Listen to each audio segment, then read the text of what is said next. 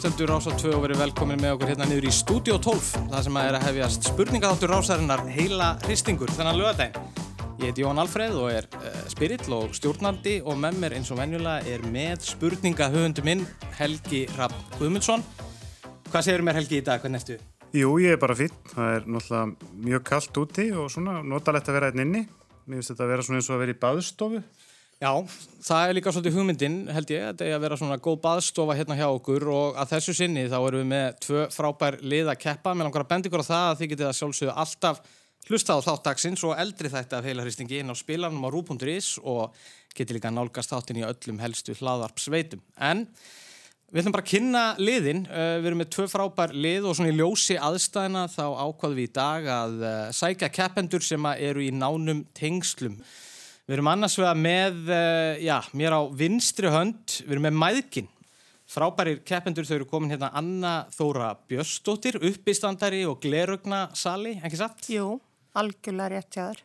Og sonur hennar Björn Leo Brynjarsson. Jú, mikið rétt. Gaman að fá okkur, Hva, hvað segir þið gott í dag? Ég segi mjög gott. Já, ég líka. Ég held að við séum bara í, í, í topp ástandi, sko. Já, þú varst að koma til landsins, Björn, er ekki? Ert ekki búsettur elendis? Mm, Eða svona með annan fótinn allavega? Já, var svolítið í Berlin í fyrra og, og hérna, já. Uh, va- va- Hefur verið einhver þvælingur á mér svona? Já. Ég, ég veit ekki alveg hvað ég er að gera í lífinu þessu dagana, þannig að hérna, ef þið eru með einhverju hugmyndi fyrir mig, þá með ég endilega senda þær á mig. Já, eða á netfangið okkar heilarhýstingur að trú.is við viljum að sjálfsögðu fá allar ábendingar um efni þáttarins og spurningar og jafnvel eitthvað fyrir Björn að gera og svona þannig að við hérna, tökum bara við því en uh, þú hefur náttúrulega annars verið að sk- skrifa leikrit og, Já, og, hérna, skrifa leikrit og bíómyndir og eitthvað. Já, bíómyndi líka, já, Já, einmitt. það var Þosti sem Já. Steinda Junior myndin. Akkurat, það var svolítið skemmtilegt Já, resandi. Já, mikið, Og- bl mikið blóð. Já, Anna, hvað, búðin er lokuð eða hvað, er svona hálf, hálfopin? við lokuðum, höfum lokað tvísvar í COVID meðan að þetta hefur verið sem mest að því að það er náttúrulega mikil smithætta inn í glerugnaverslun. En við höfum tekið á móti einum og einum. Þú veist, fólk hefur pantað sér tíma en núna erum við búin að opna og við bara sprittum og, og förum varlega og þetta er bara eitt besta ár okkar hjóna í glerugnaverslun. Já, það er, nú, það er nú gott að heyra á Já. skrítnum tímum uh, en skrítið ár sem uppistandari vantala Mjög skrítið. Ég tengi ekki við að vera uppstandari lengur. Nei, ok Það er búið. Já. Það er búið. Það eru, já, já, það eru fleiri held ég sem tengja við, tengja við þetta sem að eru í einhvers konar sviðslistum eða, eða tónlist eða hverju sem er. Ég er um að taka aftur upp. Ég var í ballett þegar ég var 11 ára. Mhm. Þannig að það er miklu frekar að ég verði með ballettsýningu næsta ári heldur en uppstand. Ég, það er enda hljómar mjög spennandi. En hvað segir þið svona annars með spurningakeppnir? Eru þið mikið í þeim? Er, er hérna eins og núna er náttúrulega runnin upp aðvendan og desember og þetta er nú svona klassísk hefð hjá Íslendingum á jólum að grípa í spurningaspil eða eitthvað svo leiðis. Er það mikið á ykkar heimili? Ég, uh, já, bæði á, sko. En svona, Skemmtilegasta spilið fekk Bjössi í fyrra í jólagjöf. Þú vilt kannski segja frá því. Það hétt Hitler. Já, já, já, Secret Hitler. það er geggja spil. Það sem að, hérna, já, það er svona skipt í tölið, það sem eru fasistar á móti liberals. Og svo er eitt svona leini Hitler og þeir eru einn að koma honum til valda. Þetta er alveg, gegg- og, og þetta er svona, Mjög jólalegt. Já, já, já, já. Einmitt. og maður á að svíkja og pretta og, og hérna, þetta er svona spil þannig að eftir, eftir, eftir fimm mínútur af, af spilinu þá er allir byrjað að standa á fætur og öskra á hann bara hástuðum. Sko. Gaman að sjá hvernig það verður hjá okkur í dag. Ég, hérna, en þetta allan að hljóma mjög skemmtilega. Ég held ég var nú heyrt um þetta. Þetta er, Já, þetta er, þetta er svona eins og varúlur já. nema bara nasta. Þetta sló í gegn síðustu jólaháttíð. Það var alveg næstu í slagsmál alveg svona 2003 ára, sko. Já. En hérna, enga síður, uh, bara ótrúlega gaman að fá ykkur og svo langar mér nú að kynna hérna liðið sem er mér á hægri hönd í dag.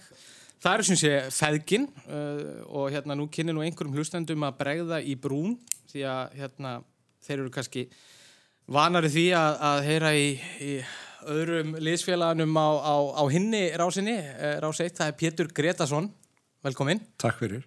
og uh, dóttir þín, Berglind Pétursdóttir það eru þið sem að myndi lið feðgina hér í dag gaman Já. að fá þig líka Takk fyrir. hvað segir þið gott? Við vorum að ræða hérna þannig, við höfum bara aldrei verið betri. Já, Já, Já. Höfum þó oft verið góð. já Það er gott að heyra og hérna, já, bara þrátt fyrir svona aðeins, aðeins skrýtna tíma á annað og þá hérna er bara, það er bara góður hugur. Já, já. heldur já, betur. já, Nóg að gera og, og nóg að býta brenna. já. Já, það er fyrir öllu. Gaman að fara í spurningu þátt saman. Já, gert það áður. hafið þið verið mikið saman í liði? Ekki farið í spurninga þátt er það saman. Nei. Við farið í viðtal saman en ekki í spurninga þátt. En ég hef verið í spurninga þætti og var hérna á rás eitt var spurninga þáttunum klassiska tónlist og ég vissi aldrei neitt.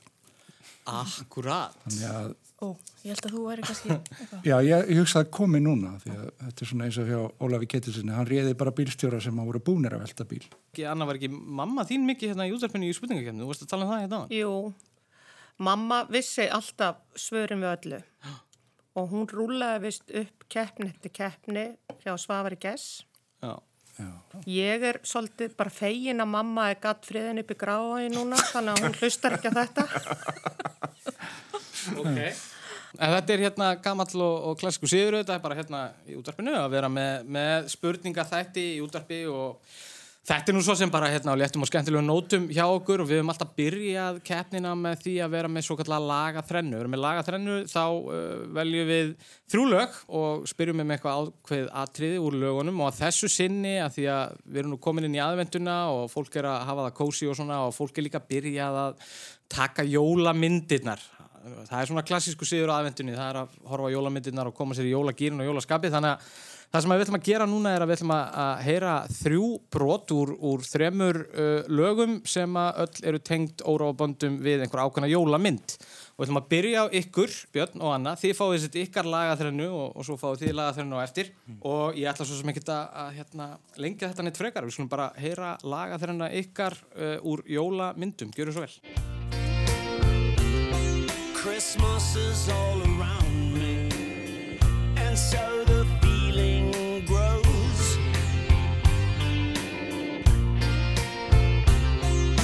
It's written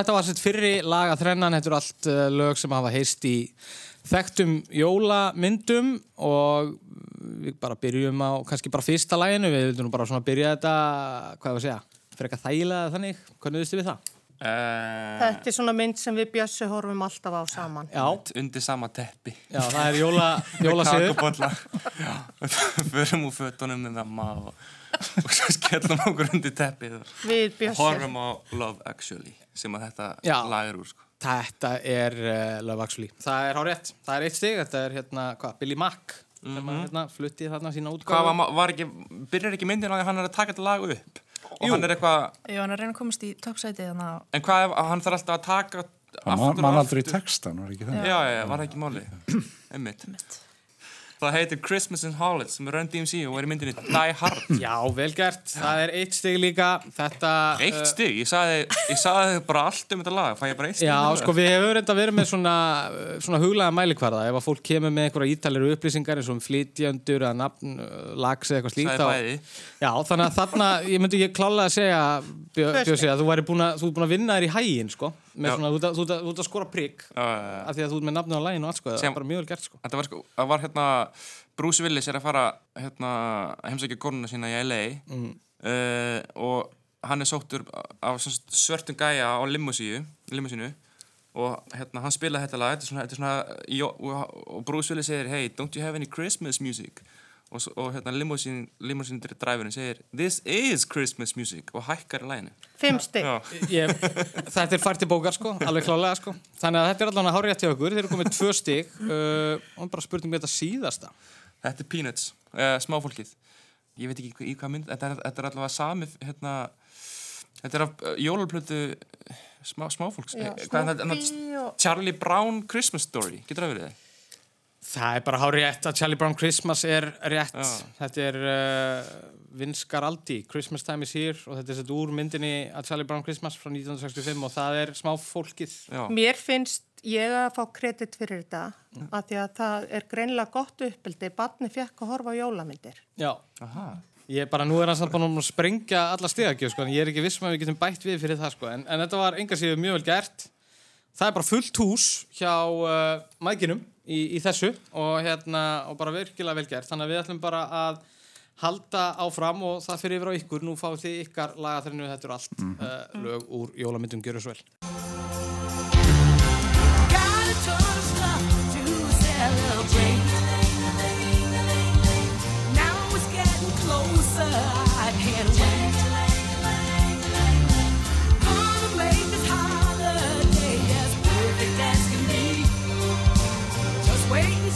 Christmas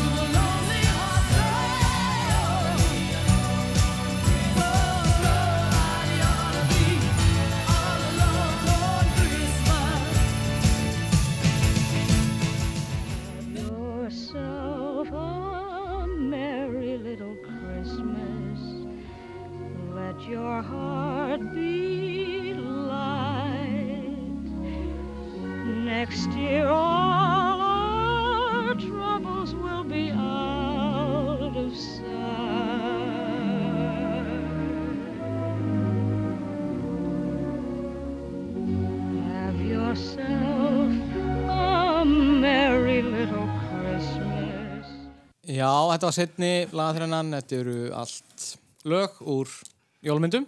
Já, já. Hvað segið þið með þetta? Ég hef alveg til í einhvern svona tónlistaflokk sem væri kannski eitthvað svona acid jazz eitthvað svona sem pappi er góður í. Já, það, það er aldrei að vita hvað gerist sko þegar að líður Eru þú einhvern veginn að sé Nú, einhverju e- jólamynd? ekkert vera svona að gefa það í hverju þú heldur í sig góður. Það er, þetta er mjög vandræðilegt, ég þekkti ekki þessu. Ok, þetta er alveg hjá mér bara. Sko ég held að þetta fyrst að sé bara Christmas Vacation. Það Já, er hár rétt, þetta er Það er- uh, æsla fulla hinn æsla fulla gaman mynd. gaman mynd, Christmas Vacation sem að margir auðvitað taka mm. Þannig að það er eitt stig, Já, vel gert ok. Um, Svo fórum við í uh, já, svona við vorum svo sem á svipum tíma einhver leiti, sko ok, Nobody Ought to Be Alone for Christmas. Þetta, sko, vandin er að þetta eru svona lög sem eru í öllum jólamyndum. Já, ég er um þetta að hugsa það. Have you will self a Merry to Christmas? Er það ekki í öllum jólamyndum? Jú, það má segja það, þetta er endar sko originalin Þetta er hérna, já, þetta er eiginlega í já, fyrsta sinn sem að, sem að þetta lag heyrðist, sko það var í þessari kveikmynd, sko Er það í myndinni með Jimmy Stewart? Og, Nei, þetta er Judy Galland já, maður syngur já. Já, ég meinti nú ekki að hans að það hefði verið að syngja. Nei, nei, nei, nei, nei, nei. nei en ég held eins og að Jimmy Stewart hafi ekki, en ég held að þú sért að tala um sko It's a Wonderful Life, Já, en þetta er ekki hún Þetta er ekki hún, nei. Pappi, þú er að segja eitthvað nefna á einhver svona gamall mynd.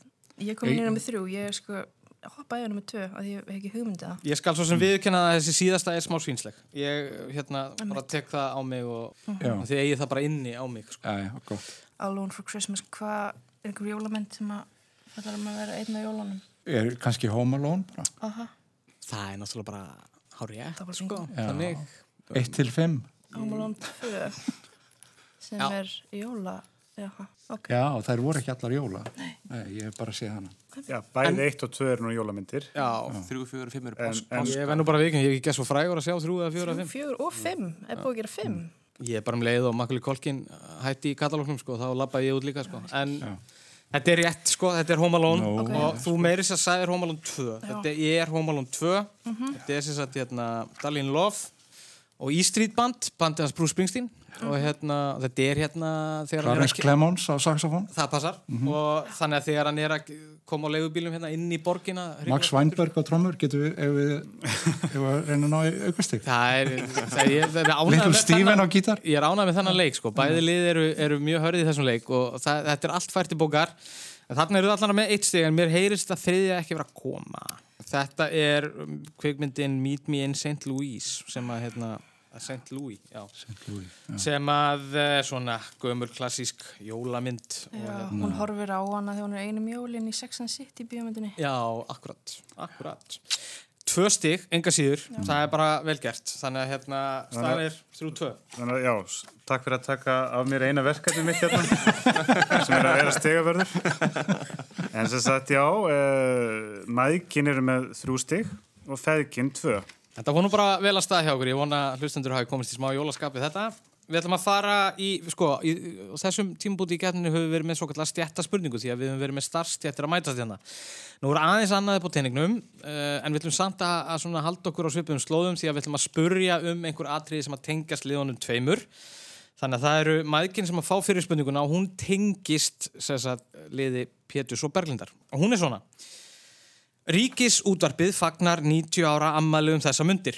Við spyrjum því um fyrstu þölu útarsins en hún var valin úr hópi umsækjanda og hóf störf hjá nýju stopnunni um leið og það hóf útsendingar eða í desember 1930. En hvað hétt hún? Hvað hétt fyrsta þula ríkisútarsins sem hóf störf hjá stopnunni? Ég fættist Um og hóf- 1985 sko, þannig að það var hún bara komin á ellil lífur sko. Það eru sem- Löngu hægt að þylja eitthvað í Var hún fréttaþula, eða svona bara, já.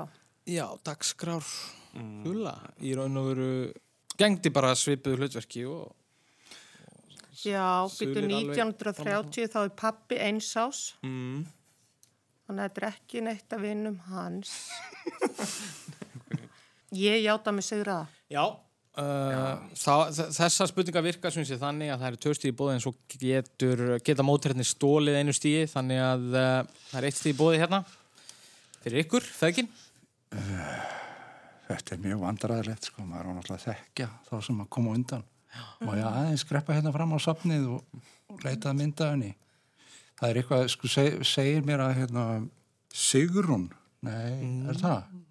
Uh, Ég man ekki hvers, já, nei, er það Sigrún? Ég man bara ekki hvers dóttir hún var. Já, þetta var Sigrún Ögmundsdótt Ögmunds. Auðvitað. Já, Er þetta hálft stig þá? eða? þetta er fært í bókar, er það ekki Helgi? Við, það er mann sem margt sem við fært í bókar hérna Jú, jú, við, þetta verður skoðað allt saman En þá bara förum við í sambarlega spurningu sem er borin upp á feðgin og hérna tengist svona kannski liði mækina. Nú vorum að ræða hérna á þann að hann Björnlegu hefur verið búsettur í Berlín og í Berlín, höfuborg Þýskalands var fyrsti flugvöllur borgarinnar reistur í hverfinu Tempelhof árið 1923. Hann var lagður niður árið 2008. Eftir það voru aðal flugvölli borgarinnar tveir, Tekel og Sjönefeld. En 31. oktober síðastlinn voru þessi flugvelli báðir laði niður og glænir alþjóðaflugvellur víður sem lengi hafi verið beðið eftir. Og spurningin er hvað heitir þessi nýja aðal flugvellur Berlínarbúa sem var víður bara núna fyrir réttur um mánuði. Já, ok. Um, er þetta ekki eitthvað sem mamma lítur að hafa heyrt í fréttum? Maður er náttúrulega ekki búin að vera að ferðast neitt, sko. Nei, Ah, Til hvers voru þeir að opna hann? mér finnst þetta mm, samt eitthvað hillandi að opna þennan, já, þetta flotta mannverki í miðum heimsfaraldri þegar að, Mjög bjart sín. já, en þeir eru svo sem búin að vera að vinna í þessu í 15 ár. Mikið drama með hann flugur Er þetta ekki bara Angela Merkel flugvöldurinn? Já, já. Við förum með því. Merkel.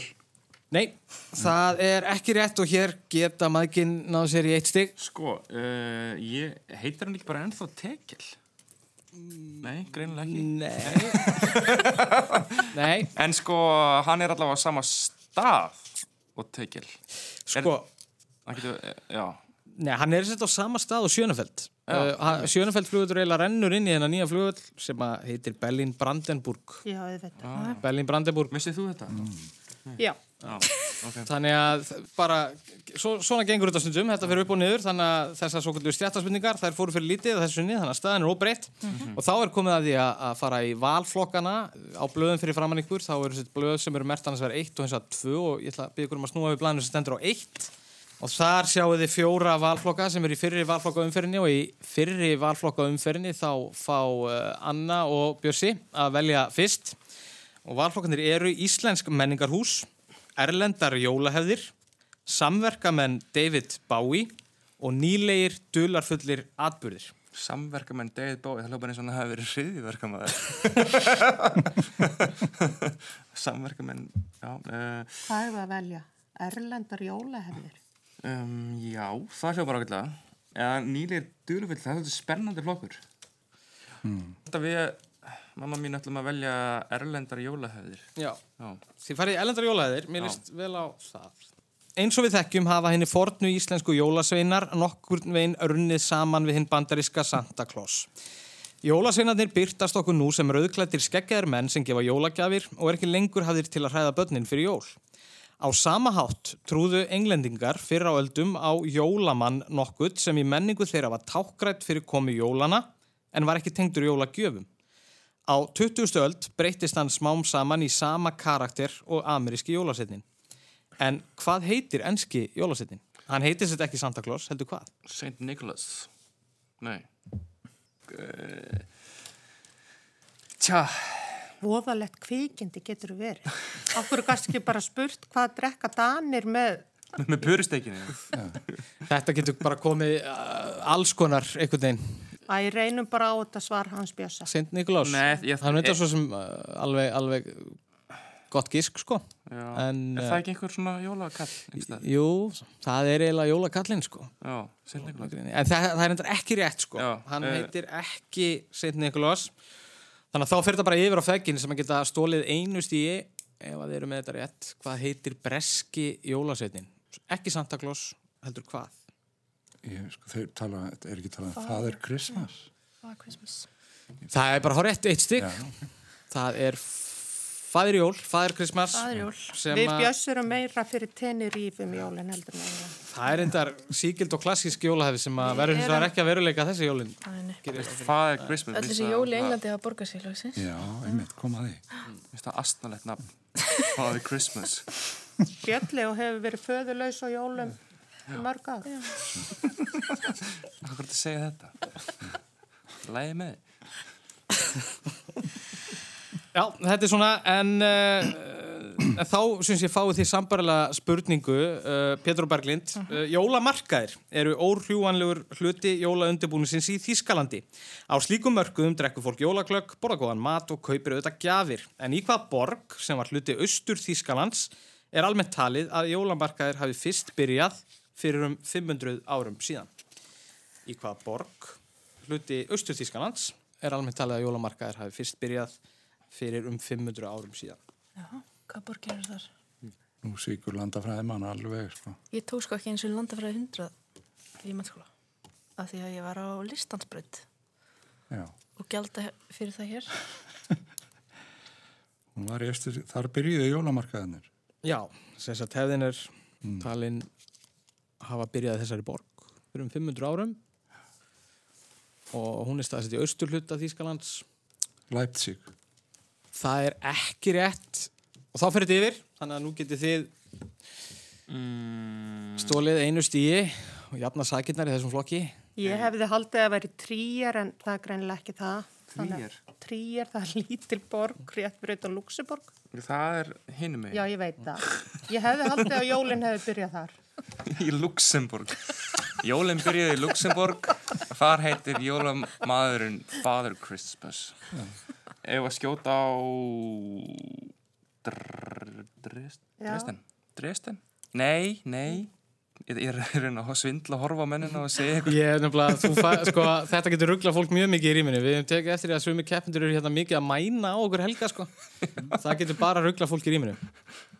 Finnst svona eins og Hamburg hafa alltaf verið eitthvað svona jólaborg. Er, en- er Hamburg er vest- norður, sko, en ég veit ekki alveg hvort það til er undir austri eða vestri, sko. Herru, segjum Hamburg. Því miður, þú varst með þetta, þetta var Dresden. Þetta er stundur svona, uh, Svínarí, sko. herriði, þá uh, er það þið sem að fá það að velja úr uh, valflokkunum og það sem eftir stendur er samverkamenn David Bowie, nýlegi dulafullir atburðir eða Íslensk menningarhús. Sko, mér pabbi koma svolítið sterkur inn í samverkaminn David Bowie en, Ég myndi þurfa að ringa í vin en Já. ég er alveg til í að taka en ég á íslensk menningarhús líka það. Já, það finnst mér líka ég, svona menning er næs, menningarnæs kannski veit maður eitthvað um þau, maður hefur verið í þeim taldið. akkurat, prófum það Takka menningarhúsin. Já, mér er stjóla það. Við þekkjum sennilega flest hörpu í Reykjavík, salin í Kópói og hof á Akureyri. En á Dalvík er líka reykið metnaðafullt menningarhús sem víkt var árið 2009. Þar eru haldnir ímsir viðburir, tónleikar, síningar og þar er aðstæða fyrir ráðstefnuhald. En hvað heitir þetta menningarhús þeirra Dalvíkinga? Djúrun heitir það. Hvern djölinn heitir það? Já, Um, ég er bara aldrei komið þangað. nei, Nei, það er alveg stólið um mér sko. hvað er Dalvík? Dalvík er hann að utar í eigafyrðinum fjær, fjær Akureyri hann Silli er það hann Já, Sigvaldi Júliusson, punkturis. Punkturis, nei, bara, Sigvalda já Hell. nei, þetta er alveg úr mér Nei, þetta er ekki að koma. Uh, þá bara fyrir þetta yfir. Eru þið með þetta? Mækin? Samherja bakarið. Ágætt skisk, en ekki rétt heldur. Þetta er menningarhúsið Berg. Ég skrifaði það hérna. Já, Nú, Æ, mér langaði bara að vera fyndin. Stundum tapa maður á því að vera svona fyndin. Þetta er, það er þóningir með eitt stig. Þannig að það er hérna, þetta er menningarhúsið Berg á Dalvík, mjög fallegt hús. Ég hef séð það. Og þá fáið þið sambarilega spurningu, Anna og Bjössi, á fljótstalshéraði, það nána tiltekið á eigilstöðum, er jafnframt að finna menningarmiðstöð nokkura. Menningarmiðstöðin var sett á fót árið 2005. Það er kannski lögð sérstök áherslu á sviðslistir en einnig rými fyrir aðra listgreinar, myndlistasýningar, kvikmyndasýningar, tónleika og aðra menningarviðburði. En hvað nefnist þessi menningarmiðstöð og menningarhús? á eilstöðum. Já. Æ, hann vinnuðin. Pétur, Nei, Kolli. Kolli, Já. Nei, hann er á það er segja þessu Ég, ég var þarna, já, herru, ég var þarna fyrir nokkur árum þegar Já. við vorum að sína leiksýningu þarna fyrir austan. En, guðmið góður, ég get ekki fyrir mitt litla líf muna hvað, heitar ekki bara menningarhúsið á eilstöðum? Nei. það er ekki menningarhús á eigilstöðum, en svona ágætt skisk. Þannig að þetta fyrir yfir, hvað segið þið? er þetta kent við starfsemri sem fór þarna fram áður Það kann að vera. það kann að vera um, ég get, get verið sér ruggla við eitthvað en mér finnst því svo slátur húsið hvað var þetta? Sorry, ég sóna alveg út. þetta var hérna menningarhúsið á Eilstam Á eigilstöðum, já. þetta er ekki svona black box dæmi Já, já. Þetta, Hann er búin að segja ja, þetta er bara komið, það er sláturhúsið á, á eigilstöðum. Ég var þarna, ég var þarna, mamma. Já. Ég algjöru blackout. Þetta heitir sláturhúsið. Já.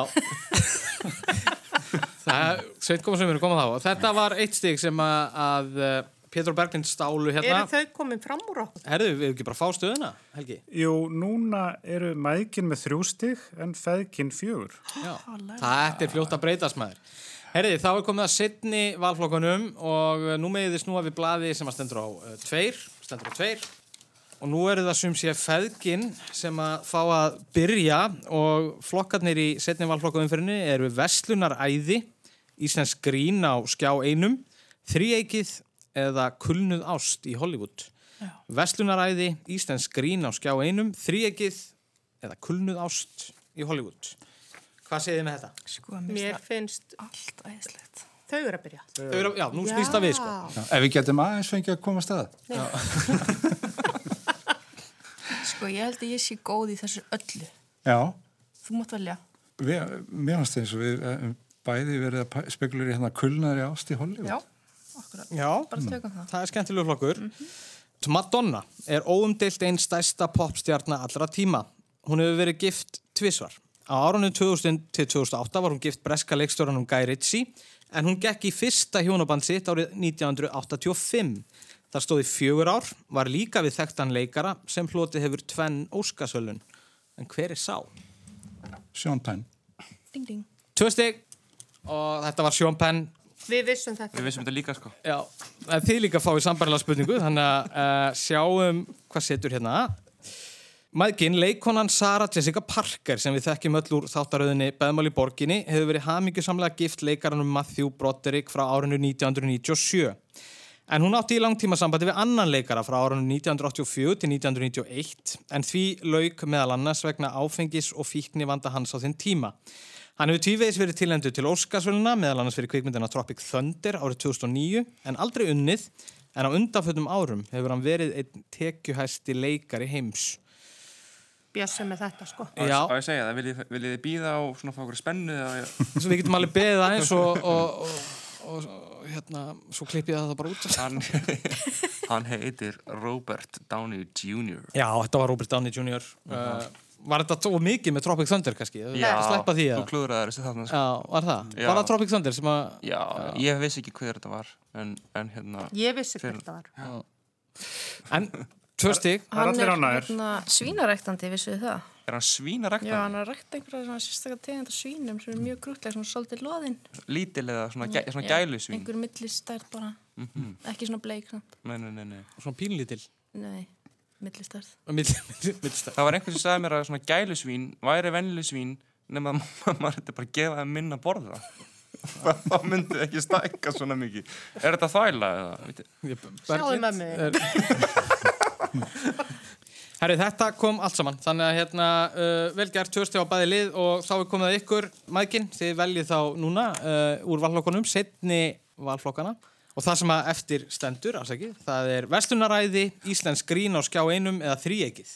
Ég held að Vestlunar aðeins sé klálega máli sko. Já, Mamma er nýbúin að uppgöta að hún getur panta hlut á netinu Þannig að það, það er bara, æði í gangi. Það er bara stanslust UPS og pósturinn að mæta hendi mömmu og alltaf þegar ég kem í heimsók þá gerir maður ekki annað en að skera henni við pappakassa og handa henni til rusl það er enda reitt með, sko, ég er nú ánægð með þessa auknu netverslun, en sko maður er, einmitt þegar þú fer að panta mikið, þá ertu í gíslingu á þínu heimili, sko, þú ert alltaf að vera heima, því að, hérna, það, það er alltaf einhver á leiðinni með einhvern pakka, sko. Ég er fann að mæla með mót við þá. Já. eins og dópsala út á Bara, bílaplan við hittumst við Háskóla Íslands.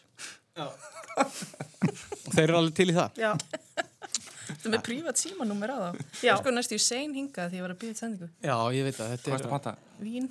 Vín Mamma panta það Já, hvað er minn? Herði, uh, vestunaræði, sko, þetta tengist nú svolítið netversluninni ymmit. Nú er jólaverslunin hafin og komin á fullt, þótt umgjörinn verði kannski óheðbundnar í ár en oft áður.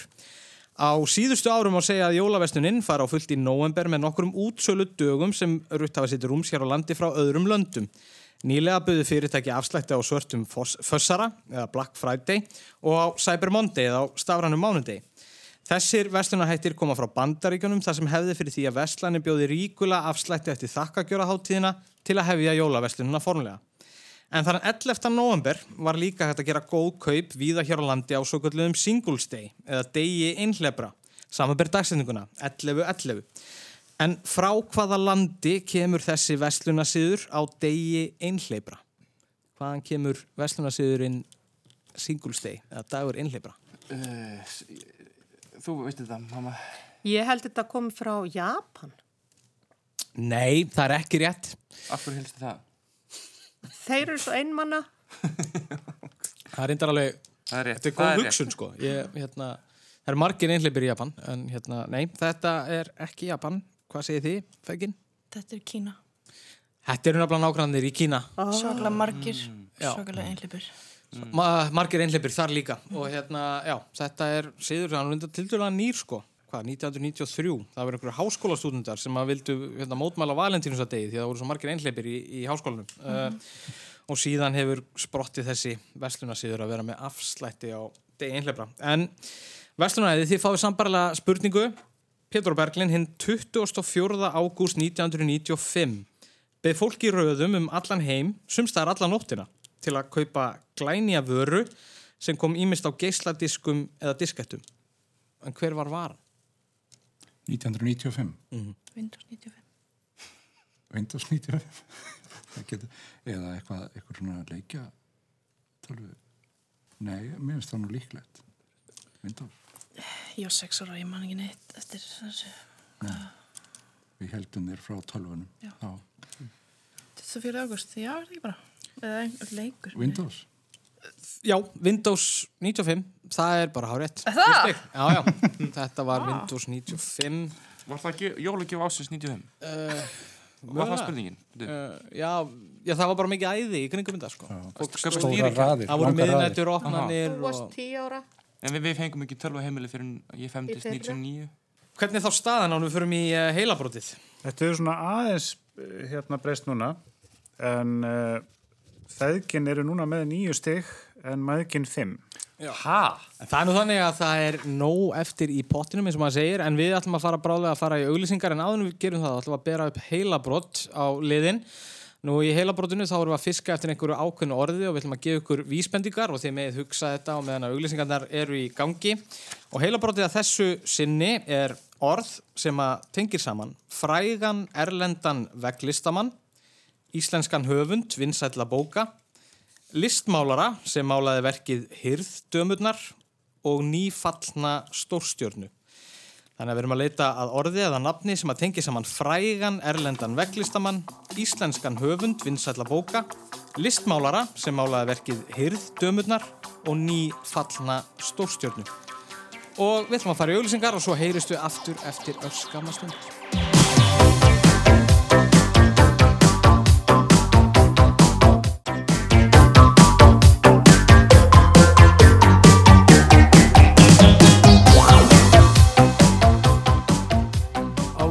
myndinni sé spyr afturendi fyrirsætunar Natalíu Garibotto. Atvikið vakti aðtikli fjölmiðla á föstudaginn í síðustu viku og eftir að fregnir byrtist um málið hvarf hjartað af myndinni. Og núna hafa yfirvöldi í Pávagarði hafið rannsókn á því hvernig þetta gætt gerst. Talsmar Pávagar segir í samtal við breskablaði Guardian að útilokað sé að hjartað hafi komið frá yfirmönnum kathólsku kirkjunar Já, komið þið sæl aftur, góður hlustendur. Við erum komin aftur hérna niður í stúdíó 12 þar sem að spurningaturinn heilarhristingur er í fullum gangi. Nú, hjá mér sitja tvö frábær lið. Þau eru öll í nánum tengslum. Það eru maðgininn Anna Þóra Björnsdóttir og Björn Leo Brynjason og uh, feðgininn Pétur Gretarsson og, og Berglind Pétursdóttir. Nú árum fórum í auglýsingar þá vorum við að velta vöngum yfir heilabróti. Við vildum fá, að, uh, við vildum fá frá liðunum uh, uh, orð eða, eða sett, nafn sem að myndi tengja saman frægan ellendan veglistamann, íslenskan höfund vinsalla bóka, listmálara sem málaði verkið Hirdömurnar og nýfallna stórstjörnu. Og ég er búinn að fá uh, svar hérna frá liðunum. Nú, Anna og Bjössi segja bank, þau segja bank og uh, Pétur og Berglind segja Maradona. Maradona, uh, þau eru kannski nær þessu að einhverju leiti því að nýfallna stórstjarnan var vissulega Diego Armando Maradona en við vonumst að leita af nafninu Diego. Diego, þessi veglistamæður er Diego Rivera, maður Frítu Kahlo, svo vorum við með hana Solvunu Diego, sem er höfund bókana heima og skipulag. Nú, uh, svo var að listmálarinn Diego Velázquez, sem var spænskur hirmálari á 17. öld, sem að málaði hirdömurnar og svo var það auðvitað Diego Armando Maradona. Þannig að þetta kom ekki, þannig að hvort lið fær stig fyrir þetta, þannig að staðan er Ég óbreytt. held, ef að þú hefði sagt Sonja Diego, það hefði ég verið með þetta. Ég skrifaði Diego bara svo það sé á hreinu og við getum haldið því til, til bókar. Þetta er svona stundum. Uh, við uh, ætlum að fara í næsta lið. Það er úr kistunni. Við svona verið að róta í kistunni hérna á rúf og reynda að finna eitthvað skemmtilegt til þess að, að spyrja um. Uh, að þessu sinni þá ætlum við nú svo sem ekki að leita langt yfir skamt í vikunni var Já, voru lestrar Haldur Lagsnes á verkumans settir inn á spilaran á rúf og það er að njóta þeirra núna fram að jólum að, að hlusta á ímsar bækur og, og allskins verk sem hann hefur lesið inn hérna upp á rúf og nú hefur verið ákveð að opna fyrir þetta og við ætlum bara að halda okkur þar í þessari spurningu, þetta er bara svona hefðbundin víksl spurning og við byrjum á ykkur, maðgin og spurningin eru í sjálf og sér bara mjög einföld, við erum bara að leita eftir því úr hvaða skáldsögu Lagsnes er að lesa, úr hvaða skáldsögu er Lagsnes að lesa? Og það eru tvö stíði bóði og svo getur anstæðingurinn stólið einu stíði ef svo brundir, en við bara byrjum hér, gjör svo vel. Viturmaður hefur sagt að næst því að missa móður sína sé fátt hollara ungum börnum en missa föður sinn. Þó því fari fjari að ég tæki undir þessi orð að öllu leiti, þá sæti síst á mér að fara að bera á móti þeim Já. Þarna var Lagsnes að lesa upphaf á ákveðin skáldsögu Sko, og þessi lestur og þessi saga er núna sérstætt aðgengileg í spilaðanum á Rúbúturis. ég, það gæti verið úr, byttunum við, úr sölkavölku. Gæti það verið það? Já. Missir hún ekki, er hún ekki munaðalist, þannig að það salkavalka. Það er ekki rétt. Uh, hvað segir þið feðginn? Það er um það. Þetta, ég heyrði hann að búti í útarfinu daginn. Og hugsaðir, ég ætla ekki að muna Ég, ég, ég er að menna þetta. Nei, ég, ég er bara ekki viss. Mér dettur í hug sko kristnihaldi. Nei, ekki heldur. Uh, þetta var brekkukolls annað. Æ, sjáðu hvað ég skrifaði hérna. Brekkukots. Já, það, Berglind, þú, það er Diego og það er brekkukottið og þetta er allt þarna á Sko. blöðum. Ég ætti kannski að skrifa og þú ættir að tala. Ég ætla að skrifa, ég skrifa allir réttu svörin og pappi er að segja allir. Herði, en þið fáið bara sambarlega spurningu, feðginn, gjör svo vel. og með því ungfrú Kunigund var hið besta lögð fyrir vísindi, tókum vel eftir þeim ítrökkuðu tilraunum sem hún var vitni að. Mm, Hún sá glögglega hvers vegna doktor Altunga hafiði gildar ástæður fyrir hegðun sinni eh, sem og allar afleiðingar og orsakir í málinu og gekk burt þaðan í sveiflum en þó hugsi. Já, Þetta er Í- Íslands Hmm. klukkan. Nei, heldur það? Nei, Nei. ég ætla ekki að skrifa neitt allavega. Nei. Kúnigund. ég tengi þetta ekki. Nú var ég gott að geta ringt í vinn. Mm Mm. Hvern myndir ringi? Ég þekki svo marga bókmyndafræðinga sko. Við þekki menn með lagsnes blæti mér sem eru núna að rífa hársitt og skegg, þeir sem eru með það. Uh, Altung og Kunigund. Ég veit ekki, ég er bara að skjóta eitthvað sko, Mhm. paratísrænt. nei, það er ekki rétt. Um, voru þetta ekki personur uh, í atomstöðinni heima hjá heima hjá hérna í unuhúsi það sem að Heima hjá organistan heima hjá organistunum Ekki heldur. Þetta var nefnilega svona kannski smá, uh, það var svona smá beigja á þessu þarna, því þetta var þýðing, þetta var byrting. Já, byrtingur. já, já, já Þannig að uh, það kom ekki, þá er staðan bara óbreyttur ekki, Helgi? Jú, 9-5.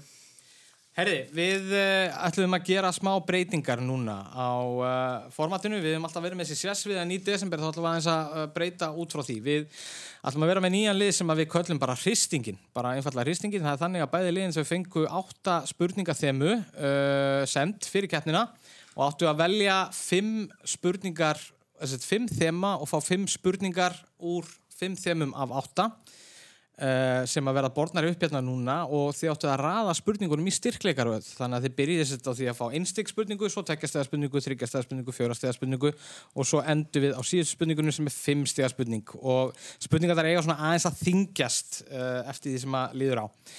En spurningaflokkarnir sem að í bóði voru, voru íslensk myndlist á 21. öld, samfélagsmiðlar, tískuhús, sjónvastættir 2020, hljóðfæri, skemmtistæðir í Reykjavík þá og nú, landnámið og íslenskar verðluna bókmentir. Þetta voru sett flokkanir átta sem að liðin máttu velja fimm spurningar úr fimm þemum úr og við ætlum bara svo sem að byrja á þessu, við ætlum bara að hoppa á milli liðana og eins og ég segi, þetta er svona, við köllum þetta hristingin helgi. Já, þetta er svona svolítið svo að spila spil saman í, í sumabústað vorandi. Já, en þetta verður svona svolítið fjölbreytt og svona fjölbreyttar uh, spurningar og það er kannski bara að segja frá því að, að það gengur náttúrulega allir flokkanir út nema landnámið, hvort liðið tók landnámið og annað kom. Það er bara gaman að því. Við ætlum að byrja á ykkur, mæðgin. Uh, fyrir eitt stig þá tókuðu íslenskar verðlaunabókmyndir. Klassíst. Það er bara svona mjög klassíst. Já. Mm. Algjörlega. Herði, þetta er bara einföld spurning hvaða íslenski rítöfundur hlaut bókmentavelun Norrlandarás árið 2018 fyrir skáldsögu sína ör. Býttur við Var það Auður Jónsdóttir? Nei. Nei, nei, nei, nei, nei. Það var hérna Nei. Eiríkur Nordal Nei, Ör Hver skrifaði þessa bók? Nú höfundurinn. Já, já, já. Herri, þetta Það er, er bara hart það er, höf, það er höfundurinn sem að skrifa, þetta er auður Ava Ólastóttir Já, auðvitað. Þannig að það fór ekki e, þá fyrir við yfir á Pétur og Berglindi fyrir eitt stig þá vildum við fá skemmtistæði í Reykjavík þá og nú og spurningin er, einn vinsalasti skemmtistæði miðbærins var á dögunum auglistu til sölu hann er staðsettu við Veltusund í miðborginni og nafn hans er ákveðin stæling á nafni söður amerísks manns en hver er staðurinn? Það er Pablo Discobar. Það er bara hár rétt þannig að það er eitt stig Hann til sölu? Já, mér Já, finnst ok, það næs. Þannig að hérna Já, kaupa. Já, Getur verið verðlun í þessum þetta? Já, þið fáið hérna gjafabref og, og, og skemmtistæðin eh, Pablo Discobar ef að þið vinnið hér í dag. E, þá fyrir við aftur yfir á Björn og Önnu og fyrir tvö stig þá völdu þið samfélagsmiðla. Samfélagsmiðla fyrir tvö stig og spurningin er, mikið uppnám varði í Páagarði á dögunum þegar í ljós kom að samfélagsmiðl á vegum Frans Páva hafi lækað mynd af fáklættri fyrirsætu en myndin sýti beran afturenda hennar. Á myndinni sé spyr afturendi fyrirsætunar Natalíu Garibotto. Atvikið vakti aðtikli fjölmiðla á föstudaginn í síðustu viku og eftir að fregnir byrtist um málið hvarf hjartað af myndinni. Og núna hafi yfirvaldi í Pávagarði hafið rannsókn á því hvernig þetta gætt gerst. Talsmar Pávagar segir í samtal við breskablaði Guardian að útilokað sé að hjartað hafi komið frá yfirmönnum kathólsku kirkunar og allra síður páanum sjálfum. En á hvaða samfélagsmiðli dúkkaði þetta like páagarsins upp? Instagram. Þetta var Instagram, það er hárétt, það eru tvö stygg. Þetta var Þetta er góð mynd, sko. Hvað mynd var það? Þetta var svona risastór brasilískur bossi Já, ok. Já. sem að slóðu til loftið svona. Uppnám í Páagarði. En- Nafn á æfisögu. Hvað segir þið með, með skýringa páagars að það sé algjörlega útilokað að uh, lækið hafi komið frá einhverjum sem að... Ég kaupi það ekki. Er mjög hæpinn fullering. Þú er thirsty stemmingarna sko. Ég hef komið þarna í Páakar. Já, við fórum bara saman. eitthvað. 2007. Gerði þið allt saman? Nei, Eina það við við á Love Actually í Við gerum Páagar. aldrei neitt svona. Við gerum aldrei í Páagarð, fórum aldrei á jólamynd. Við skulum ekki segja hvað En mér finnst alltaf lægi að Páin sé að læka svona, ég meina, þú veist, Já, ég meina... hvað er að því að læka sæta... Nei, algjörlega, ég meina líka ef að Páagar ætlar að vera á Instagram yfir höfuð þá náttúrulega þarf að taka þátt í samfélaginu og, og Þetta er það sem Instagram hjá- snýst um, eða ekki? Það er að bæði taka við ástinni og deilinni, ekki spurning. Herði, við förum aftur yfir á feðgin. Eh, Fyrir eh, í tveggjastæða spurningun ykkar þá völduði myndlist á 20. og 1. öld. Og spurningin er, innsetningin Chromo Sapiens var framlag Íslands á fenni að tvíjarengnum árið 2019. Eins og segir á vef listasaps Reykjavíkur likur list sköpun listakonunar á mörgu myndlistar, gjörninga og tísku þar sem finlegur húmor gegnir stóru hlutverki í list hennar og endur speglast vel í nótkun á miklu magni marglits gerfihárs. Þess má geta að hljómsveitin Ham sandi tónlist við verkið og við heyrum brott.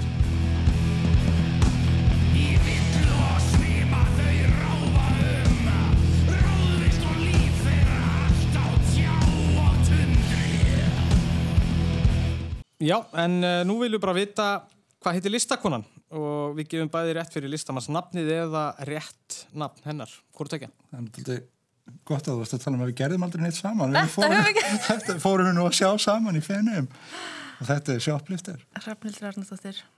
Hrafnildur Átnandóttir sjóplittir. Já, fóruð þið? Við fórum sko, við vorum í, í ferðalagi með fjölskyldinni á Ítalíu og svo voru börn og læti og svona þannig að við pappi ákveðum að bruna til fenni á tvíjöringin En við sáum þetta öll, sko. að því að einhver frétti í húsinu að við vorum að fara og var eitthvað, já, förum öll, já, krakkar allir krakkandi teknum með allir saman í bát mjög þannig að það var ekkert quiet time sko Þetta er mjög svona skemmtileg verk hjá henni. Krakkarnir hefur glæðilega gaman að þessu. Já, það var mjög gaman að þessu. Hann að loðdæmið hana. loðið, já En fylgdi lag með, með því eða? það var eitthvað svona hljóðmynd undir þessu Það var, var eitthvað mjög lástæmt, sko. En þeir voru að spila sérst á opnininni á, á tvíjarengnum. Þá voru, voru hann mættir með eitthvað gegja sjó, sko. Já, en þetta kom fram, bara vel gert, tvö stig og báðar tveggjastæðarspurningarnar, það er duttu hérna, þá fyrir við þryggjastæðarspurningarnar og, og Björn og Anna þið fóruð í tískuhús þar. Kemur það frá örugur ykkar eða bara saman? Mm, ég veit það ekki alveg. Ég, við heldum um svolítið svona beitt útlökunar aðferðinni hvað við veitum minnstum. Já. Og, og unnið ykkur upp, það er nú pælingin með þetta sko.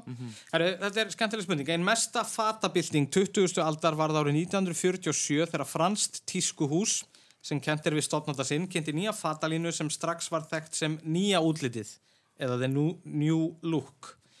Tískuhús þetta er í dag enn eitt stærsta fyrirtækið á þessu sviði í heiminum með höfustöðar í París. Það framleiði fött, ylvötn, snirtiförur og margt fleira. En hvert er... Er þetta ekki Chanel? Mm, já, ég meina... Er það eldra? Sko, ok, nýja lúkið. Ég er að að muna hvort að, hvort að ég viti hvað svarið er, sko. En ég er ekki viss um ég viti svarið. Svona virka spurningar þetta. Uh, Chanel, er það... Karl Lagerfeld. Nei, hann er ekki svona gammal. Nei, hann er, nei, nei. Hann er, hann var að, já. Hva- hva- Hvað er meira hérna svona Dior. úr frá París? Herri, Kinkaða bara kolli þegar þú segir ég. ok, segjum bara Chanel. Þið ætla að segja Chanel? Já. Það er ekki rétt, þetta er Dior. Christian Dior. Þú skrifaði það? Já, skrifaða það. Það er búið að skrifa mikið, það er bara þannig, en þetta kom ekki. Þá förum við í þriðju spurningu fyrir ykkur Berglindi og Pétur. Uh, Sjómasættir 2020, eru búin að vera duglega að horfa á árinu? Mm Algjörlega. Já. Þetta Það er að bara lockdown. Þetta er búið að vera svolítið þannig á er betur. Samt potið ekki búin að horfa á það sem þú ætlar að spyrja um. Já, en sko við ætlum að fara svo sem bara í, í, í nýtt, alveg nýtt dæmi. Ari Eldjátt gaf á dögunum út uppistand sitt á Netflix streymisveitunni og við heyrum smá. That is, considering how few we are, we are the best per capita. This is like an economist's term. Children use it freely in Iceland, like, we have the most cars in the world per capita. How old are you? Three? That's not very old. It is per capita. It never stops. Já, sýningin var tekin upp í þjóðleikúsinu í fyrra og hún er byggð á sýningu Ara sem hann hafi flutt víða um heim missirinn á undan meðal annars á Edinborgarháttíðin í Skotlandi. En spurningin er einföld, hvað heitir bara sýningin? Og þá þessi uppistandsþáttur Ara á Netflix. Pardon my Icelandic. Já, excuse me, já, Excuse pardon. Pardon my Icelandic. Pardon my Icelandic er bara hárétt. Þrjú stig. Og þá förum við aftur yfir á ykkur, maðginn, það eru hljóðfærin fyrir fjögur stig. Þar eru við rosa góð. Já, já, já, svakalega. Þið hérna, bæði spilað á hljóðfæri og eftir og, og það ekki? Jú, Ég ég spilaði með symfóníu hljónstunni þegar ég var 11 ára. Klarnett. Vel gert. Já, Hefur haldið því eitthvað við það? nei, Fóru bara hillinu eftir það. Toppaði 11 ára. já. Ég toppaði allt. Ég dansaði með íslenska dansfloknum og spilaði með symfó og svo bara hætti ég þessu. Spurningin er svona, við ætlum að heyra uh, Anna og Björns, við ætlum að heyra smá hljóðdæmi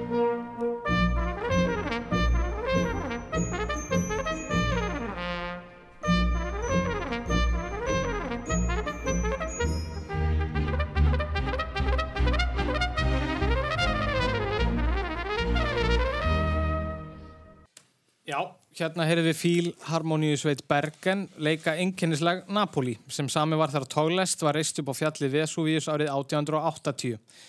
Þetta var hann Óle Edvard Antonsen sem að leikur sólómeistarlega með hljóðfæri sem við spyrjum um hér. Það er málmblastus hljóðfæri sem gefur frá sér mildara og ekki jafn skert hljóð og trompet. Kornett. Já, Hvert er hljóðfærið? Kornett. Það er kornett. Nú, Ég er dóttir Bjössa Blásara, vil ég alls ekki vera að dissa mig með þessu. Ég veit allt um þetta. Þetta var kornett fjögur stig, vel gert. Gert. Auðvitað. Þá fyrir við aftur á feðginn, þið völdu samfélagsmiðla fyrir fjögur stig. Samstarf. Spurningin er, Tinder er eitt vinsalasta stefnumóta appið og samfélagsmiðill þar sem að notendur stopna prófíla og hafa tækifæri til að spjalla við aðra notendur. Nýtt íslenskt stefnumótaforrið leitt dagsins ljós á dögunum sem ætla sér að taka slægin og fara í samkeppni við Tinder. Þessi vettvangur hefur blæbriði tölvuleiks þar sem notendur geta líkað við eða hafnað notendum og hent þeim í ruslatununa raunar. Annars opnast vikugluggi þar sem notendur geta spjalla saman og sá gluggi framlengist ef áhugið til staðar. En spurningin er bara hvað nefnist þetta nýja stefnumóta app? Al íslensk hönnun og framlýsla. Pabbi. Þetta veistu. Já, þetta ætti ég að veita. Nei, ég Ég er alveg... ekki sjens að ég sé að fara að skrá á okkur svona, sko. Ég veit ekki hvað Þetta þetta er í, nýtt íslenskt. Þetta er íslenskt játak sko. Uh, eins og okkur leikur. Nei, þetta er alveg... Ég trist alveg á því samfélagsmiðlunum. Má kannski geta þess að að nafnið á þessu ágæta forriti er náttúrulega á ennsku, þetta er ekki... Já, þetta er ekki, þetta er ekki, já, þetta er náttúrulega hugsað fyrir alþjóða, alþjóða markað, sko. En þetta er ekki að koma hér í smér. Nei, bara alls Amor. ekki. Flott gisk. Uh, það er fínt geisk, en það er ekki rétt, þetta er smitten. Smitten. Smitten. Já, smitten. Skotin. Já.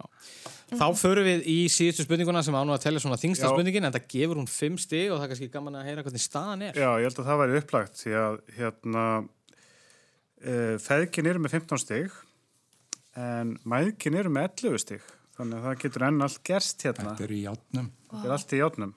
Heldur betur og uh, já, fimm stiga spurningin ykkar uh, Anna og Bjössi þið ákveðu að fara í uh, skemmtistæði í Reykjavík þá og nú eins og Berglind og Pétur hérna aðan einhver sérstök ástæða fyrir því að veðja á það fyrir kannan eitthvað annað Bara við erum með góða mætingu þar. Ok, og þeir eru til í hvað sem er bara nútíð, framtíð, uh, þáttíð allt bara Ég meina... Allt nema Goldfinger. Þá bara rokku við. Ég skal gefa ykkur að þetta er ekki góð tvingar en við skulum bara heyra spurninguna Fjölmargir skemmti og tónleikastaðir hafa komið og farið í miðborginni í gegnum tíðina. Við ætlum að spyrja um einn sem starfræktur var um nokkur ára skeið á laugavegi 45 við gatnamót Frakkarstíks og laugavegar um 1990. Þetta var vinsælt veitingahús en ekki síður tónleika og skemmtistaður um helgar sem naut góðurar aðsóknar. Samkvæmt vefnum tímarit.is var þar komið fyrir karaoke söngkerfi árið 1992 en staðurinn hétt nokkuð skondnu nafni sem stundum hefur verið vísað til þótt staðurinn sé nú fyrir löngu á bak og burt. Var þetta ekki LA kaffi? Hvað heitir staðurinn? Þetta er í sama húsi á en þetta er ekki LA kaffi, nei. Nú, Byttu. hvað var meira að þetta? Já. LA kaffi var strippstaður, var það ekki? Byttu, hvað hétt þetta aftur? Hann, 1990. já. Þú varst bara Fimm ára? fimm ára alskan. Þannig að þú varst ekki mikið með mér þarna. Nei. LA kaffi var þarna uppi. Mamma. Staðurinn hétt nokkuð skondnu nafni sem stundum hefur verið vísað til og staðurinn er svo fyrir löngu á bak og burt. Vísa til hvernig? Bara svona eitthvað, fólk hefur bara verið að rifja upp eitthvað. Þetta er eitthvað saying, eitthvað svona. Já, svona kannski eitthvað. Það er aðeins svona Mjög- áhuga- mjög- áhugaverðara nafn en LA kaffi. Já, já. Ok. Gríðarlega spenna hérna í Já, útashúsinu. það má heyra nefnilega fimm umnál stig. þetta. Já, við verðum eiginlega að taka þetta þegar Bíddu. hans töpuðu, sko. Það voru svona strippdísir þarna á það, var það ekki? Striptease. Jú, ég man að þær voru að koma að kaupa sólgleru og borguðu með blöytum 500 köllum. Já. Það var alltaf í, í sama húsnæði eða svona s- á svipuðum slóðum var alltaf Vegas. Já, Ah, sko, að mögulega tók einmitt strípistað við af þessum stað. Þetta var ekki strípistaður, sko. Þetta er fyrir, held ég, þessa strípibilgju sem að kom hérna. Var þetta? Striptease. Strípidís. Heyrðu, veistu að ég bara var örgli í badnegna frí eða milli manna, ég manni þetta ekki. Herri, þetta er ekki að koma. Þetta var veitingahúsið, tónleikastæðurinn og, og síðan karaoke pubin Tveir vinir og annar í frí. Alveg rétt. Frábært nafnastað. Þetta er mjög góð. Geðveikt nafn á stað, sko. Ég bara sá það nafn, ég sagði þetta þarf ég að spyrja um einn daginn. Tveir vinir og annar í frí og svo komst þú Anna og því bara ég byrst aðsökunar á því að þú hefði þurft að vera andlag. Ég held spurði ég um hafi verið svolítið mikið ellendis þetta ár. Þegar ég var fimm ára. Sína þér heiminn. Það kom ekki, en hérna þá höldum við bara áfram og förum yfir á Berglindi og Pétur og í fimmstega spurningunni ykkar völduðu hljóðfæri. Hljóðfæri, eh, einhver sérstök pæling á bak við það, bara svipað og hjá Bjössa og önnu, bara hafið Já. spilað á hljóðfæri eða eitthvað? Já, mjög mikið sko. Ég, ég, ég er ekki ennþá búin að toppa mig, ég spila stundum ennþá með symfóníunni. Er það? Þannig að Já, hérna, Hann dýrkar spila hljóðfæri, sko. ég var ekki svona bráðger sko. ok. Heri, þetta er bara spennandi. Frakkar held upp á 100 ára ammæli frönsku byltingarinnar með heimsýningunni sem haldin var í París árið 1889. FL-turnin var byggður fyrir þessa miklu hátíð og fulltrúar allra heimsortna flyktust til borgarinnar. Franska tónskáldið Claude Debussy var 27 ára. Hann skoðaði meðal annars Bás Indonésiu og þar var leikið á slagversljóðfæri. Debussy var fyrir miklum hughrifum og reyndi að endurvekja hljóðin í píanóverki nokkrum árum síðar. En við skulum heyra í indonesiskum tónlistamönnum leika á þessi hljóðfæri.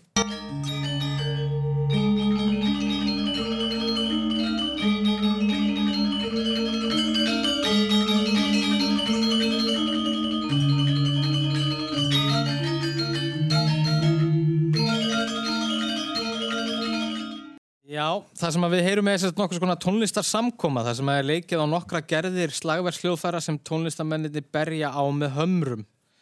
En hvað heitir þessi indonesiska tónlist einu nafni? Hún heitir Gamelan. Það er hár rétt. Wow. Vel gert. Ég man eftir að hafa vaknað bara því ég bjóð heima við eitthvað svona svipað. Ég held þetta að vera dyra. Voru þetta, þetta lög, lög þetta smáþinn svona, já. Já, stund þegar maður komið seint heim þá var mikið grína með að spila hátt og hljóðfari svona snemma löðsmorguns kannski. Já, já. Já, herri, þetta er bara vel gert. Ég, hérna, uh, ég veit svo sem ekkert meira um, um þetta. En Já, mér veist þetta svona, uh, má kannski heyra áhrif hjá Björk frá þessari tónlist. Mm Mhm. -hmm. Óbúslega svona, svona nútímanlega tónlist, þá hún sé eitthvað svona... Hún er æfa fór. Æfa fór, sko. Er þetta svona málmplötur einhverjar? Þetta eru svona, þetta eru mjög fjölbreytt söfn af svona gongum og málmspjöldum alls konar. Já, þetta var vel gert, virkilega vel gert. Þetta kom og uh, liðin stóðu sér bara virkilega vel bæði í hljóðferðunum. Það, hérna, við töldum þetta nú vera ansið krefandi spurningar, báða tvær. En það er duttu báðar, þannig að það er bara vel gert. En þá höfum við það, þetta var bara vel gert. Helgi, hvernig endaði þetta hjá okkur í dag? Já, það er náttúrulega kannski skekkir myndina aðeins uh, því að Pétur var svona eh, naskur með þessa indonesísku tónlist en lokastaðan er sem sagt 2011 fyrir eh, feðginum í vil. Já. Já, þarna var staðan og þannig að maðgin voru með séns í lokaspurningunni að komast yfir. Uh, það rétt klikkaði og þá komu feðgin og sildu þessu bara heim með indonesískum hljóðheim. Þetta var rúst. Er bara til hamingi Já, og gleðileg jól. Og leggið þið bara inn í okkur þá? Eða? Já, það er hérna... Uh, Og líklegna það er verður líklega sem þið þurfa að skrifa undir, getið þið votta, Bjössi og annar. Við ætlum bara að fara að hlölla. En uh, þetta fór svona uh, að þessu sinni Björn Leó, Brynjarsson, Anna Þóra Björnsdóttir frábært að fá ykkur og Berglind Pétursdóttir og Pétur Gretarsson til hamingju með, með þetta. Uh, þetta var bara virkilega gaman. Við ætlum að benda á það að næsta lögadag þá verðum við hérna aftur á sínum stað og þá verðum við með sérstakann svona rít, eh, sérstakann ríthönda útgáfi við ætlum að fá fjóra höfunda sem eru öll að gefa út í jólabókaflöðinu og hérna þannig að Það verður gaman og jólalegt og Já, heldur betur. Og hérna, þannig að missið ekki að því. Takk kærlega fyrir okkur í dag